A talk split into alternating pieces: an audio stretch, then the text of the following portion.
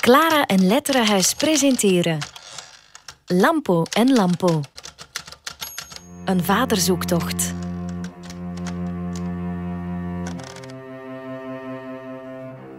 Twintig jaar geleden hebben wij dit huis gebouwd en van dit ogenblik af heb ik steeds hier gewerkt. Er zijn wat meer boeken gekomen, de rommel is wat groter geworden, maar alles is gebleven zoals het was. Er werd altijd tegen mij gezegd: Papa is een boek aan het schrijven. Deze schrijfmachine is een, een jaar of 25 oud. Ik ben ermee vertrouwd, ik ben erop thuis en ik wil niet, niet veranderen. Ik heb hier wel een elektronische toestand staan, maar daar kan ik niet mee overweg. En ik zag mijn vader dan inderdaad ook aan zijn bureau zitten tikken.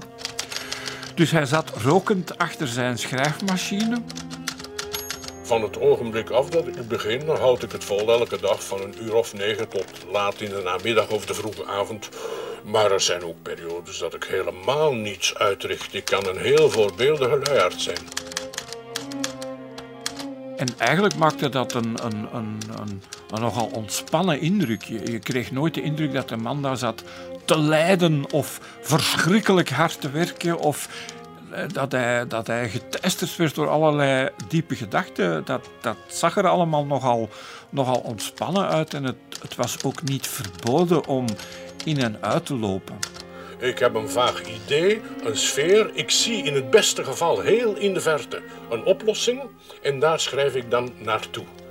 En wat ertussen komt, ja, komt uit het onbewuste, weet ik veel, uit de verbeelding, uit de inspiratie, om een groot woord te gebruiken.